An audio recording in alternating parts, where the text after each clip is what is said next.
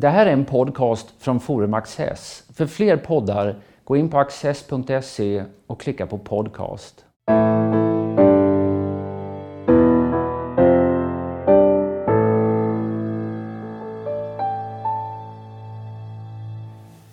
Hej och hjärtligt välkomna till Studio Access och säsongspremiären 2017. Och det är faktiskt inte bara premiär utan också en sorts jubileum. Därför att som gäster idag har jag med mig de två personer som var gäster i det allra första Studio Access-programmet som sändes för tre år sedan, nämligen Vidar Andersson, chefredaktör i Folkbladet och Peter Santesson som är opinionschef på Demoskop. Varmt välkomna bägge två. Tackar. Vidar, vad är det allra viktigaste som händer i svensk politik just nu? Ja, att det börjar röra på sig att eh, Moderaterna, även om eh, det är inte glasklart, ska jag säga, riktigt vad som är på väg, men att de eh, ändå har rest sig ur den här eh, resterna av decemberöverenskommelsen, det vill säga att eh, man har uppfunnit en minoritet och kallar det majoritet, alltså största partikonstellation. Hon har nu förklarat, Anna Kinberg Batra i alla fall, att hon tänker sig no, no, någonting annat. Och det rör på sig. Det är, inrikespolitiken är i process i parlamentet. Jag tycker det är spännande. Jag har nästan fått intrycket att du inte bara tycker att detta är det viktigaste utan också att det är lite uppiggande. Absolut. Ja, varför det? Borde inte du vara indignerad som socialdemokrat över det här? Nej, det jag skulle kunna vara indignerad över, eller på, om jag var lagd åt det hållet, det är ju att eh, Socialdemokraterna binds så hårt till Vänsterpartiet. Mm. Och eh, mitt hjärta klappar lite extra för Socialdemokraterna. Och um, bara sedan valet har man förlorat, enligt de stora undersökningarna, ungefär 4 procentenheter. Och vinner inga väljare från något håll. Och... Så det här indikerar ju en möjlighet för Stefan Löfven och Socialdemokraterna att slippa det här fängelset som man är i och kunna röra sig ut mot mitten igen. Mm. Så du ser blockpolitiken som en sorts, eh, som ju fick sitt mest tydliga uttryck i den här december, du ser det som en sorts fängelse? Ja, det är det. Genom Alliansen var ju strålande uppfinning av de borgerliga 2004 i och med att den puttade ut Socialdemokraterna vänsterut. I och med att det fanns inga andra att samarbeta med. Socialdemokraterna har i 50 år sagt att vi är beredda att styra landet med vem som helst utom Moderaterna, sa man ju då på den tiden. Och sen eh, gjorde man det, och mestadels själv då med stöd av VPK. Och, eh, sen när Alliansen bildades så fanns inte den möjligheten. Det fanns bara Vänsterpartiet och Miljöpartiet kvar. Och sen Sverigedemokraterna har kommit, så det var genialt. Men nu har ju Alliansen blivit en fälla för de borgerliga också, så att säga. Alltså, I och med att den är för liten.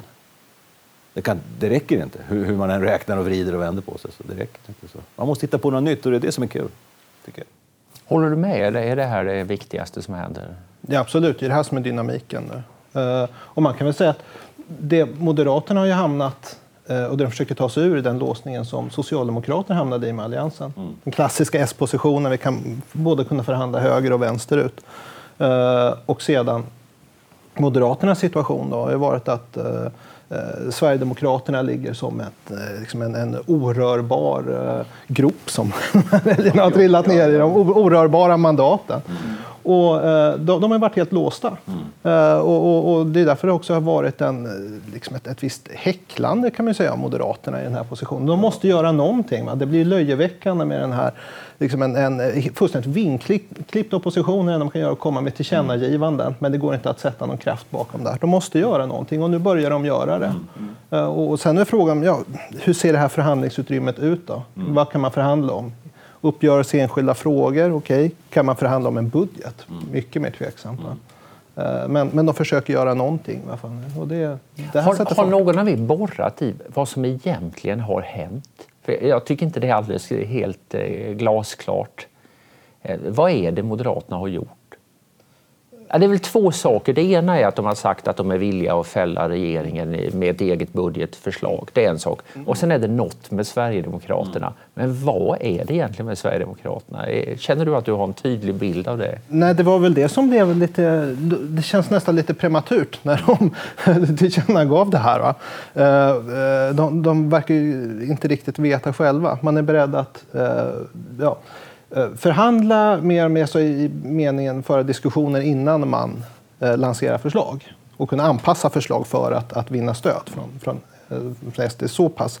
Men Har de sedan. Det var ju sagt mycket förhandla? För jag, Har de sagt? Samtala? Sam- nej. Samtala? eller? Men vad är skillnaden? Ja, Ja, exakt. Det kan man säga, men att, men att man gör de, de samtal som naturligtvis pågår mellan, mellan alla i u- u- utskotten. Men så fort Sverigedemokraterna är med så blir det ju hemligt. Alltså, då förnekas de. De har lyft på förlåten och sagt att vi samtalar även med Sverigedemokraterna.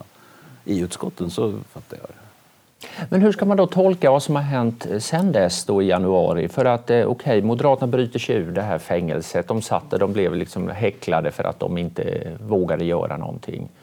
Och sen kom Anna Kinberg Batra med de här beskeden, eller uttalandena i varje fall. Och sen levererar du det största tappet i opinionen i modern svensk, ja, eller sen, sen Håkan Juholt i varje fall. Vad är, ser du ett orsakssamband däremellan? Ja, men, Klart, eh, klart och tydligt. Det det är klart att det måste finnas ett samband kring det här. Sen, alltså, majoriteten av M-väljare har ju ställt sig bakom och uttryckt sig positiva till att man ska kunna ha ett mer pragmatisk, en mer pragmatisk syn på SD-kontakter. Men det finns ju en, en minoritet i partiet där det här är en, en helt elektrisk fråga. Så att det, det, det är inte förvånande att att, att de tappar på marginalen, att det skulle bli en smäll. Det tror jag nog de måste räknat med själva också.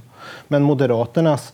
Eh, alltså, det, det är ju någon slags förbannelse något som har lagt sig kring Kinberg Batra senaste halvåret kan man väl säga. Som jag tror, det här handlar mer än bara sakpolitik. Det här har vi sett förut. Salin drabbades av samma sak runt 2010. Eh, det var kring, eh, kring Annie Lööf 2013, 2014 där. Eh, och plötsligt svängde sista veckan i valrörelsen. Men där handlar det om ja, djuriska instinkter eller något sånt. Svensk opinionsbildning sker ju på en skolgård. Och det finns en... eh, Det kommer lite blod i vattnet. Och sen är det STIM som rör sig. Och, och det, där, det, det finns ingen rättvisa eller logik bakom det där utan det är en slags instinktsbeteende. Och just nu är det väldigt roligt att att ja, häckla moderater, tolka saker till det sämsta och så. Det finns en, en stämningsläge av, av förlust va, som attraherar negativa tolkningar. Och det där, det där är som ett moln, ett regnmoln eller något som glider mellan partier. Det måste vara fruktansvärt att befinna sig i det där. Ja, allt blir fel då. Liksom. Det spelar ingen roll vad du gör. Och så man blir stressad. Ja, ja, liksom. Men eh, tror du att det är vad som har hänt också?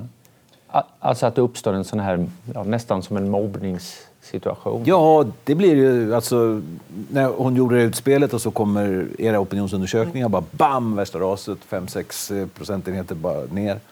Och eh, då är frågan om man har is i magen och då har det ju känts som, men det kan vara det här molnet du talar om. För då har jag blivit lite orolig, ungefär som hon är på väg att ta tillbaka nästan alltihopa igen.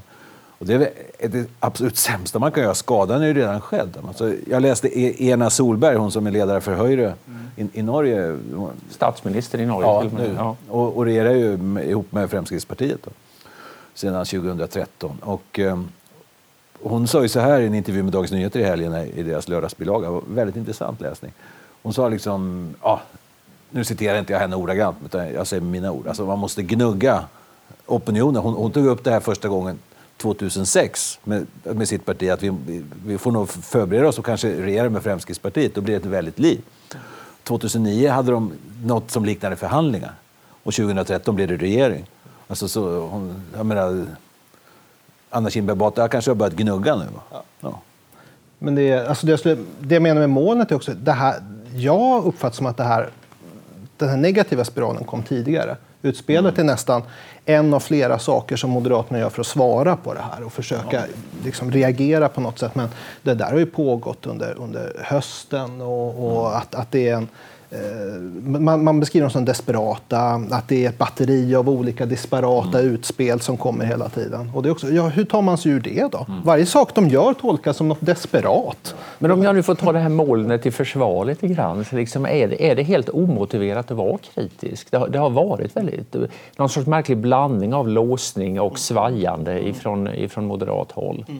Det, det var bara någon vecka innan det här SD-utspelet kom som eh, Kinberg Batra säger att det inte är aktuellt. Nej, Det var, men det kan man väl jämföra med Salin och, och Löv tidigare också. Det är ett sjabbel. Det är liksom ett kluster av sjabbel som sker. Och sedan så blir det en förbannelse om man börjar snubbla runt. Och får man ja, ha is i magen. Alltså, ta det, det där är, jag tror det är svårt att bryta på ett visst sätt. Man får, folk tröttnar efter ett halvår. Man får genomleva det. Ja. Så Salin kom ju in i en spiral hon inte lyckades häva. Mm. Annie Lööf har antingen har hon hävt den eller också lever hon gott på Anna Kinberg Batras eh, motgångar. Eh, hur ser framtiden ut för Moderaterna?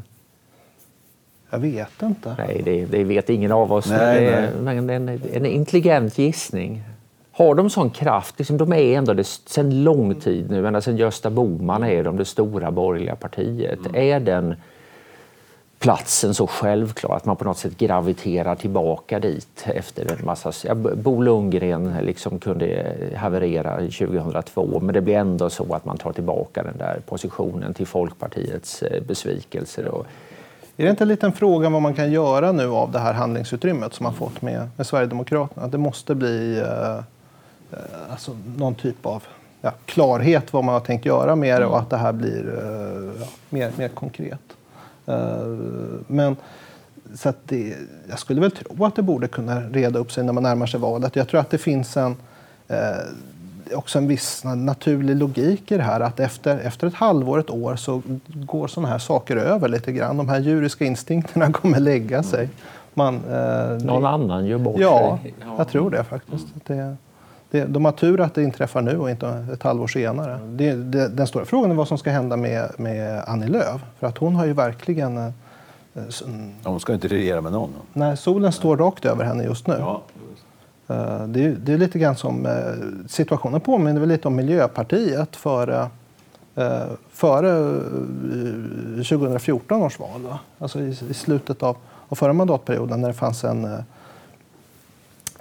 det var fantastiska siffror och väldigt, får man säga, ganska välvillig behandling från, från media. Och Centerpartiet nu har det ju väldigt lätt. Mm. Och tittar man förtroendesiffror, Annie Lööf har ju fantastiska siffror nu. Mm. Eh, well, ja, jämfört med de andra partiledarna. Exakt, annars, exakt. annars får man väl säga att partiledare överhuvudtaget rosar inte marknaden. Det är den andra stora trenden. Mm. Att, att, uh, alltså tittar man, Löfven nu är nere på Salin-nivåer ungefär, mm. uh, som då, för tio år sedan, ansågs vara väldigt svaga. Och nu är det Löfvens nivå som ändå gör då att han lägger sig ovanför Kinberg Batra. Mm. Det är rätt intressant. Mm. Det, är, det är ett stort skifte. Mm. Men det indikerar väl också att att det, är ett, eh, det finns inga samlande figurer, eh, en avvaktande hållning till politik. De flesta människor är inte så hårt bundna till partier. Det är fler som kan tänka sig att och, rösta på något annat. Du har Sverigedemokraterna naturligtvis som liksom har mjölkat en hel del moderater och socialdemokrater i huvudsak. Det är där de, de, de kommer ifrån. Alltså du har eh, en avvaktande hållning. Det är väldigt mycket klagomål på att nu politiken drivs av det man kallar spelet, alltså den här regeringsfrågan och partiernas inbördes relationer och, och manövrerande och sånt här. Peter, du som också mäter sånt här som eh, vilka frågor folk tycker är viktiga. Vad, är, vad spelar sakfrågorna för roll i politiken nu? Eh, alltså sakfrågor och ideologi är ju viktigt, naturligtvis. Eh, sen vill jag, jag vill ändå försvara lite grann det här spelet. Eh. Det, eh, på ett sätt gör jag lite oförtjänt dåligt rykte, för regeringsfrågan är ju helt central. Det är klart att det är oerhört viktigt att veta vilka regeringar som kan uppstå. Och vilka regeringar som kan uppstå kommer i sin tur också på... Det är ju en ganska bra signal om hur man kommer hantera olika sakfrågor. Vi vet inte riktigt vilka sakfrågor som kommer vara på bordet mm. om tre, fyra år. Men vi kan, måste ha en uppfattning om ungefär vilka personer vi sätter för att ansvara för de här sakfrågorna. Så att, eh, helt orimligt tycker jag inte det är. Mm. Men sen en annan grej jag tror som har att göra med den här osäkerheten kring eh, alltså, låga förtroendenivåer och så, det är att politiska frågor nu är så mycket svårare. Vi har inte riktigt svar. Alltså, vi, vi står inför helt nya situationer. Både välfärdsstaten, mm. eh, det nya läge som uppkommit med efter, efter migrationskrisen. Eh, det här är, inga politiska ledare kan ge, liksom, tydligt peka ut att det här är ett, ett program, det, det, nya stora programmet, Nej. ungefär som alliansprogrammet mm. som ska ge liksom ett trovärdigt mm. svar på hur man ska lösa sådana problem. Det finns inga sådana program. utan det är, mm. Alla famlar och det som finns är liksom spretiga, ganska duttiga utspel. Jo, det finns inga stora samlande frågor. Inte. Jag menar, och det har vi inte haft sedan alliansregeringens första mandatperiod. Jag menar, man visste vad man skulle göra. Och socialförsäkringarna och skatterna på arbete. Och det var stora reformer och som ja, vi fortfarande lever med och som hade stor strukturell effekt. Så att säga. Och, eh, det, det är klart, eh, nästa gäng som kommer med, med, med, med sådana här genomarbetade saker, det är ju det är där någonstans som nästa, eller näst, nästa tror jag regering kommer att formas. Jag tror även nästa regering kommer att bli en halvmesyr på något sätt. Det, det, det, här, det här går inte så fort inte.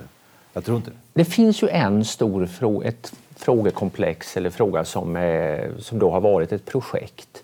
Och det har ju varit att sätta stopp för företag i välfärdssektorn. Mm. Det är ju en stor förändring. Vi har levt med de här valfriheten och, och företagande i vård och skola och i utbildning nu i snart 30 och ja, 25 år i alla fall.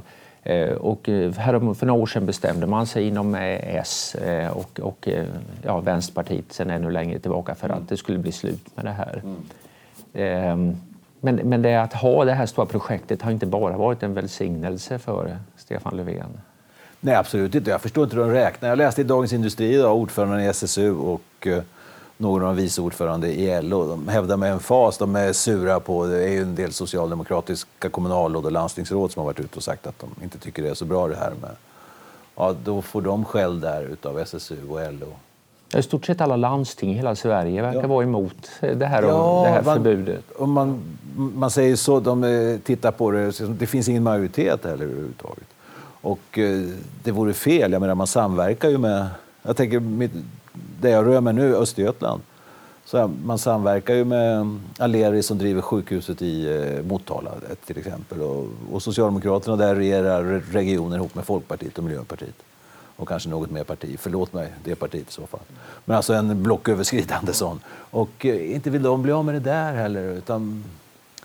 Eh, men alltså att man kan hävda, jag fattar inte hur man tänker. Alltså. Man, man kan hävda så att det är någon slags folkvilja att, att den enda frågan där vi har medvind i seglen, eh, säger man från SSU, då, SSU-ordföranden. Vi har medvind i seglen. Jaha, och hur mäter man det? Men det där är, ställer man frågan specifikt alltså kring hur man ser på vinst ja. så, så är det, det här är, det är en väldigt svårsåld pedagogik. För naturligt så är man skeptisk mot ja, självklart. Men ja. sen är frågan, vad tycker man är viktigt? Vilka, vilka sakfrågor ja. driver, driver man just nu? Och, och, vinstfrågan är inte någonting som engagerar. Det, det, det, är väl sjukvård och äldreomsorg och sjukvård, invandring, sjuk, skola. Ja, alltså, det är välfärdsfrågor som i någon mening får liksom, migrationsrelaterade perspektiv i ja, olika grader. Ja. Det är det stora nu. Hur, hur, hur välfärdsstaten ska kunna ställas om och hantera ja. det här. Och sjukvården i synnerhet, den har ju börjat oroa jättemycket. Ja. Senaste halvåret har det ökat snabbt. Eh, det är ju alla dessa rubriker med, med överbeläggningar och ja, personalkris och så. Och det är klart, det måste, ju, det måste väl kännas som att man går lite i baktakt med händelseutvecklingen och då diskutera ja. hur man ska göra det svårare för olika aktörer samtidigt som man har liksom en belastningskris. Ja. Men om man då går tillbaka till den här förtalade spelfrågan och regeringsfrågan så har ju ändå så att säga, upplägget har ju, har ju varit under den här mandatperioden att regeringen lutar sig mot Vänsterpartiet. Moderaterna har ju till och med krävt, jo, det är väl en del av ja, deras ja, allmänna misär här, att ja. de började kräva att, att regeringen skulle samarbeta med Vänsterpartiet därför att det var bara så Vänsterpartiet var det större blocket, eller vänsterblocket var det större blocket. Um, men, och Vänsterpartiet verkar inte alls pikt på att vika ner sig när det gäller de här vinsten i välfärden. Samtidigt som det inte finns någon majoritet i riksdagen. Se, vad, vad, ser du hända i, i, i den tangentens riktning? Ja, på något sätt kommer de att hanka sig fram här? Ja, man kommer att hanka sig fram. Alltså Vänsterpartiet de kommer att försöka göra ett, ett försök till. Där. Man hade ju det som enda fråga i valrörelsen 2014. Och en väldig uppbackning då kan man säga, inte i formell mening, men ändå uppbackning av media. Det var skolkonkurser, Carema, alltihopa. Det stod ju inget annat i tidningar i långa perioder om hur eländigt det var med privata företag. Vad fick de? 5,2 procent. Ja, de, de kommer förmodligen hålla på, för Vänsterpartiet är totalt ointresserade av att sitta i regering. Eftersom de, de, de skulle ju bara så implodera. De kan se hur det gick i Danmark till exempel när deras systerparti försökte. De kan se hur det gick för Miljöpartiet. Ja, till exempel också. Ja, ja. Nej, det, systerpartierna i både Danmark och Finland fick ju, ja. läm, var ju tvungna att lämna ja, regeringarna och i Norge ja.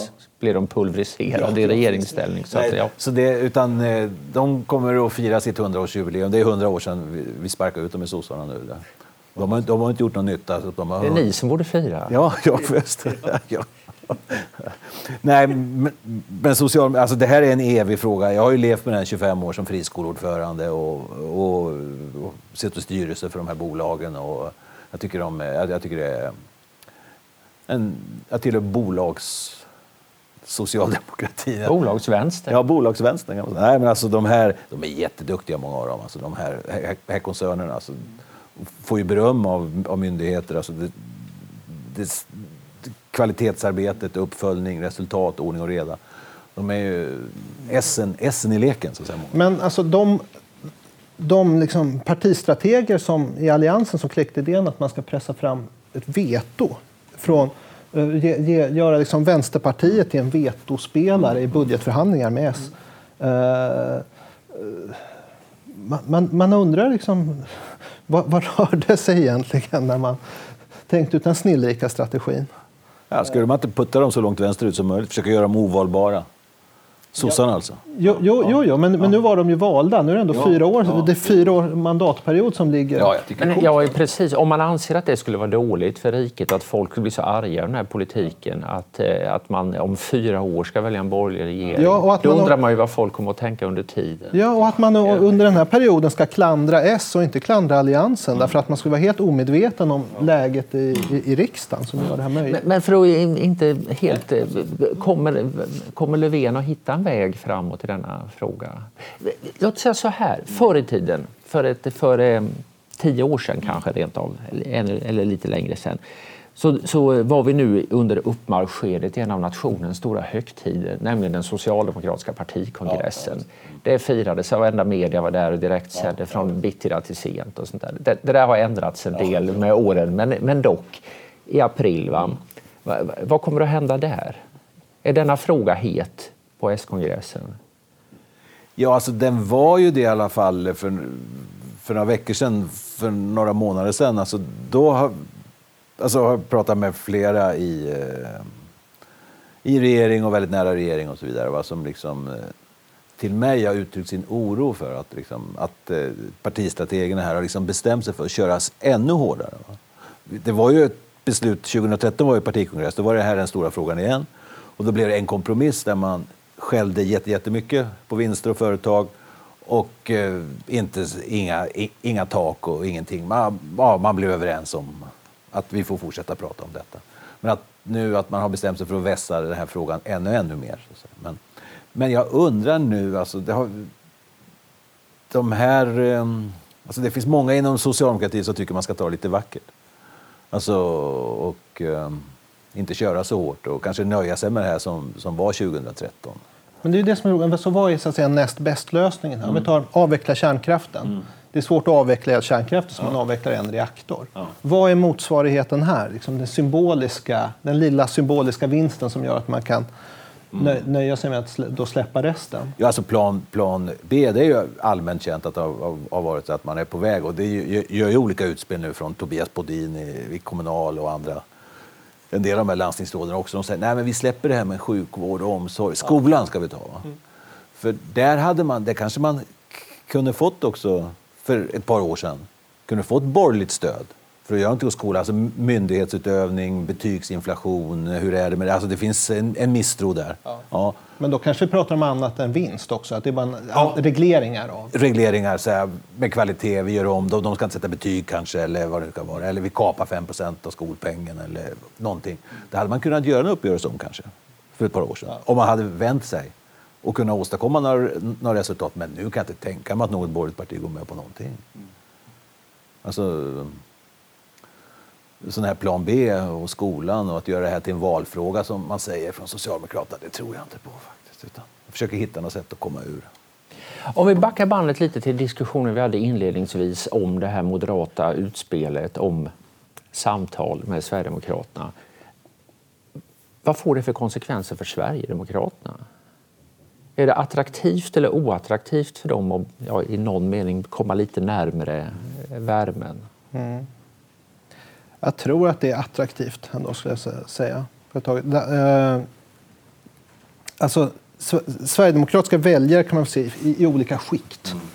De som är före, liksom, före 2010, efter 2010, de som tillkom 2014. Och de senaste skikten är ju mer allmänborgerliga väljare och de har vunnit från Socialdemokraterna. Och då, eh, ju, mer, eh, ju mer etablissemangsmässigt liksom, partiet är, desto lättare att behålla de här. Det, det är ju de här väljarna som man måste eh, ta, alltså, den här successiva saneringen liksom, av spektakulära eh, personer och utspel som kommer från SD-leden. hela den processen är jätteviktig för dem för att kunna behålla de här senare väljargrupperna. Så jag, jag, jag, tror att det här är Eh, åtminstone i det första skedet så tror jag det här är viktigt för SD. Om, man, om de sen på riktigt börjar involveras i liksom, svåra kompromisser och måste börja göra eftergifter och så, då blir det en annan femma. Ja. Men, eh, men åtminstone på kort sikt tror jag att det här skulle eh, vara en fördel för dem. Är ilskan och utanförskapet, liksom slut, det politiska utanförskapet slut som bränsle för dem? Ja, det behöver det inte vara, men alltså, ju, ju, ju närmare man kommer etablissemanget, och, och det, det, det, är kul, man kanske inte ska jämföra Fremskrittspartiet i Norge och Sverigedemokraterna rakt av, så att säga, med, men, men ändå, så att säga, där eh, uttalar sig ju statsvetare och forskare om att ju, ju närmare Fremskrittspartiet eh, och de kom regeringen och kom in i regeringen 2013 så har mycket det där minskat, för de var ju likadana etablissemanget, den där eliten som inte bryr sig om vanligt folk eller gamla Elsa som inte får någon pension och så vidare. Det var ju mycket det. Och de är ju odugliga, de här jävla politikerna. De är odugliga. Mycket det har ju minskat. Och intressant, och så menar man ju också att det minskar också bland människorna då. Så att den, den sortens eh, förkärlek för den, en, en, en, sån grov agitation. Så att säga. Och att eh, det är kommunicerande kärl. Sen vet inte jag hur Fremskrittspartiet utvecklas opinionsmässigt, om man har det besvärligt. Så det vet inte jag. Men, alltså, men man, det är ju annorlunda. De har liksom släppt det, men det är ett svårt steg. Liten... Tiden, tiden, går fort när man har roligt ja. här så jag märker att vi har eh, eh, knappt om tid. Jag skulle ändå vilja eh, höra lite om Miljöpartiet. Eh, det har ju varit en väldigt eh, rask resa utför här i många avseenden som du var inne på att liksom de, var eh, verkligen så här lyckans guldgossar där bara för några år sedan. Och, och nu, kom det någon, ja, nu kommer det mätningar där de ligger under 4 spärren. Är de fast beslutna att hänga med in i mål 2018? Jag tror inte ända in i mål. Jag beror, beroende på vore väl läge att göra en Olof Johansson, var han, typ på sommaren eller i varje fall någon form av signal om opinionssiffrorna är så här dåliga kanske april, maj, någonting sånt där. Är inte det meningslöst egentligen? Skulle det kan man, vara meningslöst. Alltså, blir inte det att först, först betalar man priset och sen mm. så kan man ändå inte få den här trovärdigheten? Att, mm. alltså, eh, Miljöpartiet, de, de, de, är ju inte ett ungdomsparti på samma sätt längre. Nej. Och det där är ju en, det, det är en flyktig grupp alltså, ja, att hålla på och jaga. De, ja. de flyger från blomma till blomma. Va? Och, eh, nu alltså Vänsterpartiet mår bra just nu mm. och eh, jag skulle tro att FIs siffror kan öka eh, mm. när vi närmar oss valet också. Schyman är en stark kampanj. Ja. Och då ska MP ändå sitta tyst och snällt? Ja, men saken är ju den, alltså jag tror att de skulle ha svårt att... Eh, alltså, om, om de redan har betalat det här priset, jag undrar om det kan vara svårt för dem att bli så att säga, förlåtna av den här gruppen. Men då har man åtminstone visat att man, att man är kapabel att sitta i en regering under en hel mandatperiod. Ja, det, det tycker jag absolut. Ja, kastar man bort det, till vilken ja. nytta då? Men du tror att de gör någonting? Ja, alltså, det beror ju på op, op, opinionsutvecklingen. Ligger de runt tre? Jag menar, alltså, säga, då kan man tänka att de krafterna vi, vi, vi provar ändå att, att göra någonting. Att vi inte är helt ihoplerade med den här betongklumpen sossarna utan vi försöker hitta något annat. Men alltså, jag tycker de hur som helst ska ha en eloge om de står hela vägen ut, vilket jag hoppas att de gör. För jag menar, det, är en, det är en hård inskolning som regeringsparti och nu har de gjort det. Och nu finns det ytterligare ett regeringsparti. Alltså, man kan börja räkna på annorlunda sätt om de klarar spärren här. Va? Det har breddats möjliga, möjliga regeringsalternativ. Det blir enklare och blir bättre för Sverige och svenska folket. Du kan få bredare regeringar. Du, kan, du måste inte skola in Miljöpartiet en gång till, det är redan gjort. Ja, som i så många av de frågor vi diskuterar, vi får se hur det går. Stort tack Vidar Andersson, stort tack Peter Svantesson.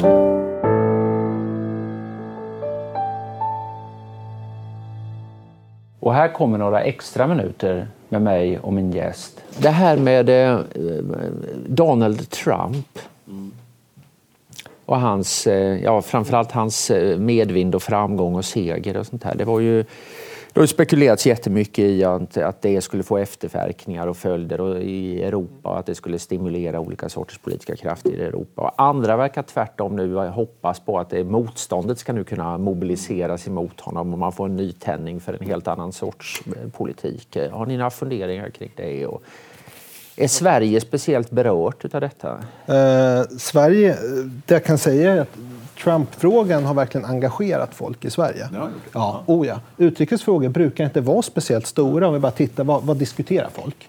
Eh, så brukar inte utrikesfrågor alls få något stort genomslag. Trump och amerikansk politik är jättestort nu och har varit under många månader.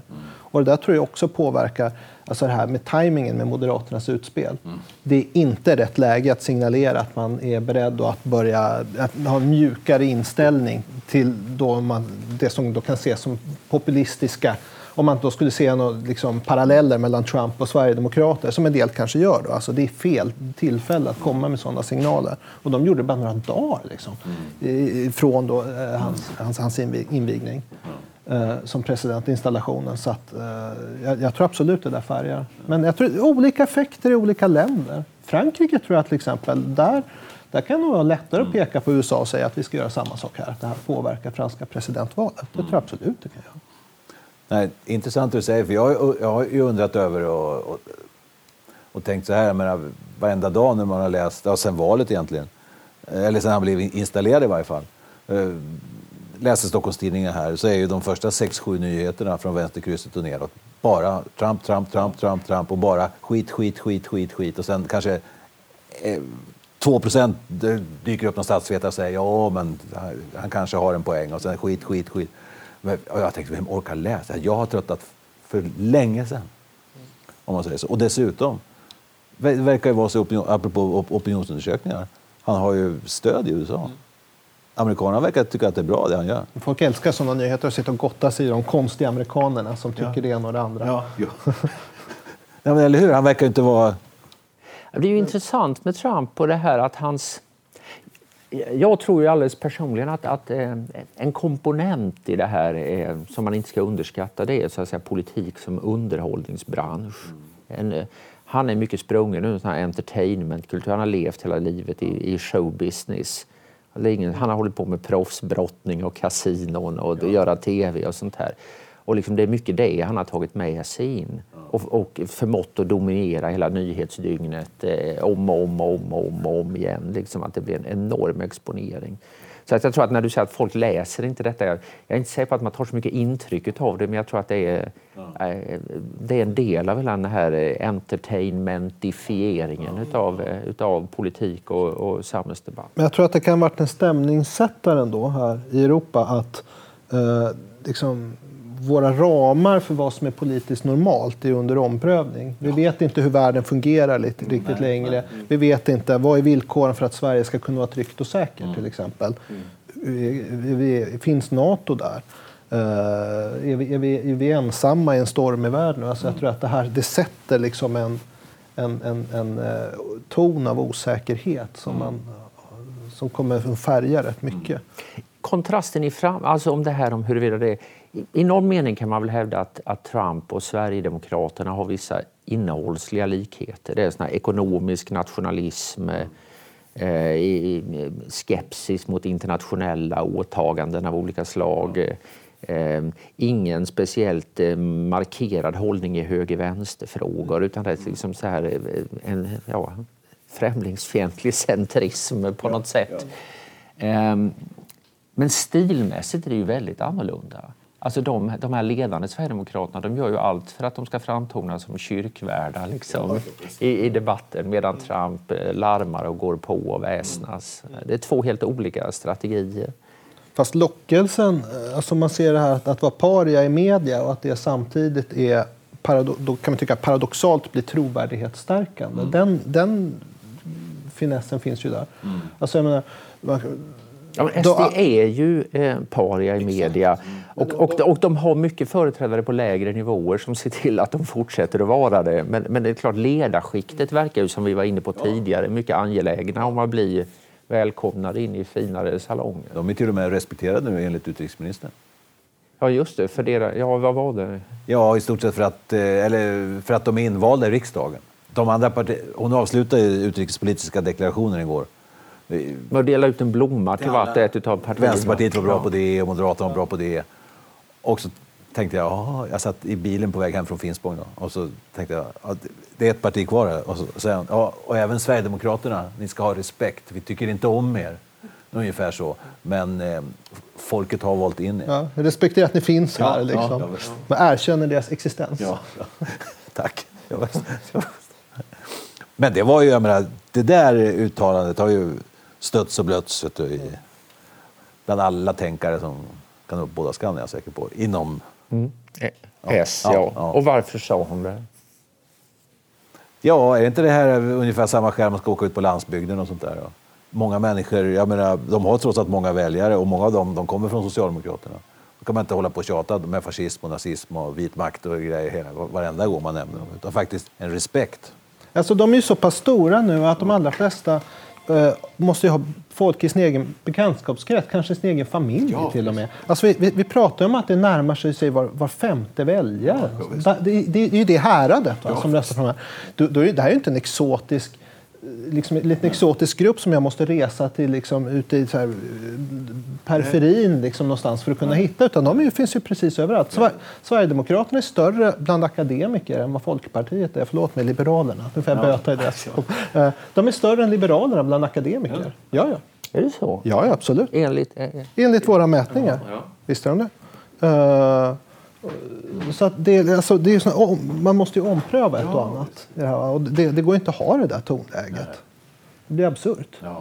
Eh, men, men Trump är ju, det är ju sp- speciellt. Alltså, eh, jag menar, han är ett fullständigt enigt... eh, jag vet inte om man ska säga, om man får använda ordet etablissemang. Men, men alltså, om jag talar så att säga, ledande mass, massmedia då, helt enigt i, i att fördöma honom. Och man, man försökte inte ens så att säga, rapportera neutralt på nyhetsplats. Man kastade alla pretensioner och drev en ren kampanjjournalistik. Och då kan man säga att det, det kanske är motiverat därför att han, var, eh, han exemplifierar något vi aldrig har sett tidigare. Liksom, inga synpunkter på det där. Men det intressanta är att han visar att trots det så kan man ändå bli vald. Eh, att det, är liksom, det, det är ändå det första exemplet vi ser på någonting. Han visar vad som faktiskt är möjligt. Även om man då fullständigt ignorerar eh, vad, vad eh, liksom ledande mm. företrädare så, eh, definierar som god smak. Man kan totalt ignorera det där. Och, och vara framgångsrik kanske just därför. Eh, Men är han inte, är, ja, är, är han inte liksom en eh, förvuxen Bert Karlsson? Alltså som, eh, som vi- hade här. Jag menar, jag, jag åkte runt då 91 då när de eh, ställde upp. Alla skulle ju förlöjliga Bert Karlsson. Jag minns Olle Stenholm gjorde något, något pro- program från honom i Sveriges Television. Där han blandade ihop det med diktatur och grejer. Bert Karlsson Det var väl inte någon stark sida. De hade något utrikespolitiskt program eller någonting sådär. Och de förlöjligade Bert Karlsson och, och sådär. Och, och det vände väl lyckan för dem. Det var ju där de... Alltså att man... Men vad, vad drar vi för slutsatser om detta för svensk räkning? Finns det så att säga en, en opinion som är oexploaterad idag? Om det är så att Sverigedemokraterna nu blir duktigare och ordentligare och sånt här, är det, är det nästa gäng som väntar i kulisserna nu? Vad skulle hända om de gjorde tvärtom och struntade fullständigt i allting? Gav. Eh, jag vet inte. Jag tror inte att den är så stark i, eh, i Sverige. Den, den, men det är ju... jag, jag vågar inte svara. Eh, men, men, eh, men det jag tänker som i, i eh, effekten, alltså franska presidentvalet nu. Eh, Då kan ju Le Pen peka och säga att jag, jag, ska, jag ska ge er vad Trump ger amerikanerna. Jag ska göra samma sak. Han visar vad som är möjligt. Nu Jag ska göra samma sak där. Och det här kommer ju bli liksom ett... Han, han sätter ju ett, ett, ett internationellt exempel som alla kan hänvisa till. Det är klart att det här kan få momentum. Ja, men man kan säga att han sätter ett exempel på två olika sätt. Att det, det ena är att han visar att man kunde vinna, som du säger, på det här mycket speci speciella om vi så säger, budskapet och uppträdandet. Han har ju ännu inte riktigt bevisat att han kan regera på det. Eh, Och det är möjligt att hans anhängare är glada över det här larmandet, men det har ändå bara hållit på några veckor. Så att säga. Det är möjligt att köra dem fast mera rejält. Möjligen underskattar han liksom trögheten i att ha byråkrati emot sig och ha domstolar emot sig och sånt där. Att liksom han kör fast rätt snabbt och då kanske det här är tappar sig lite av sin lockelse också. Mm.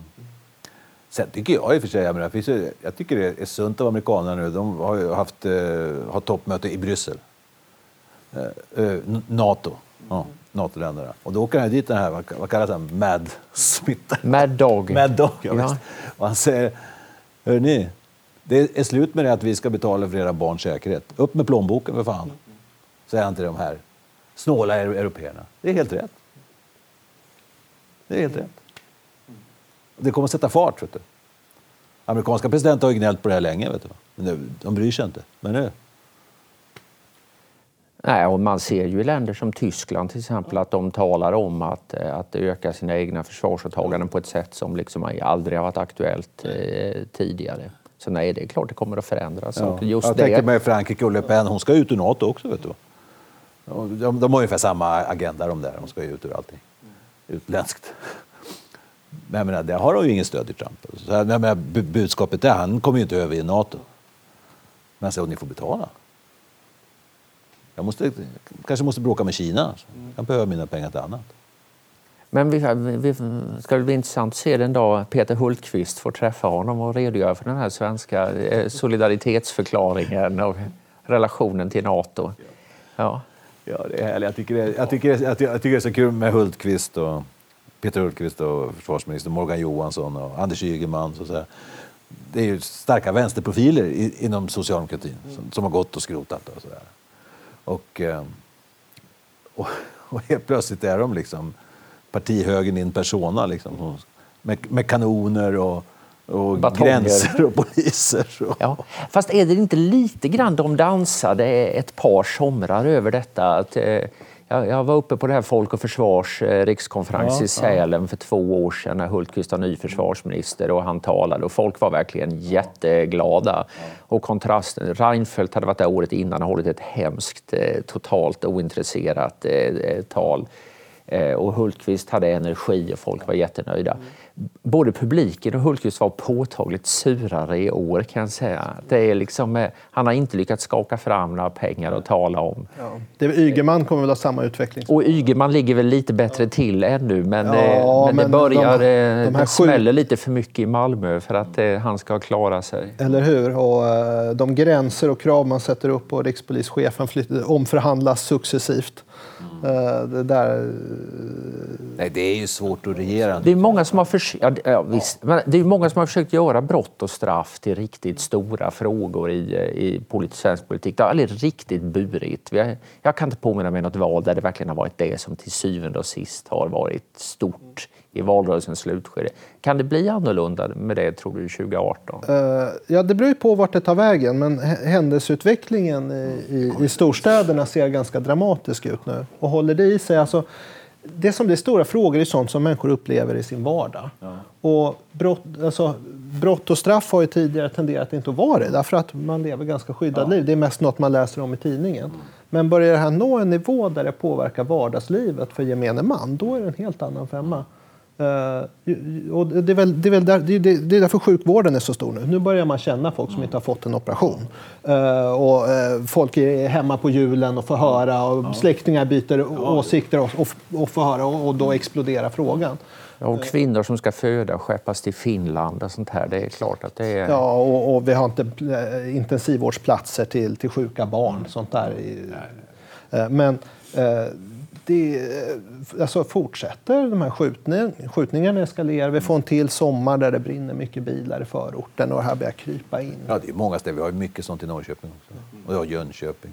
Och liksom, och många städer, alltså halvstora städer. Nej, men man blir, det var någon stor genomgång i tidningen idag över de riktiga eh, primär, eller liksom problemområdena i Sverige. Och då ser man oj, ett ligger i Växjö och ett ligger i Borås. Och så här, det är liksom Kristianstad.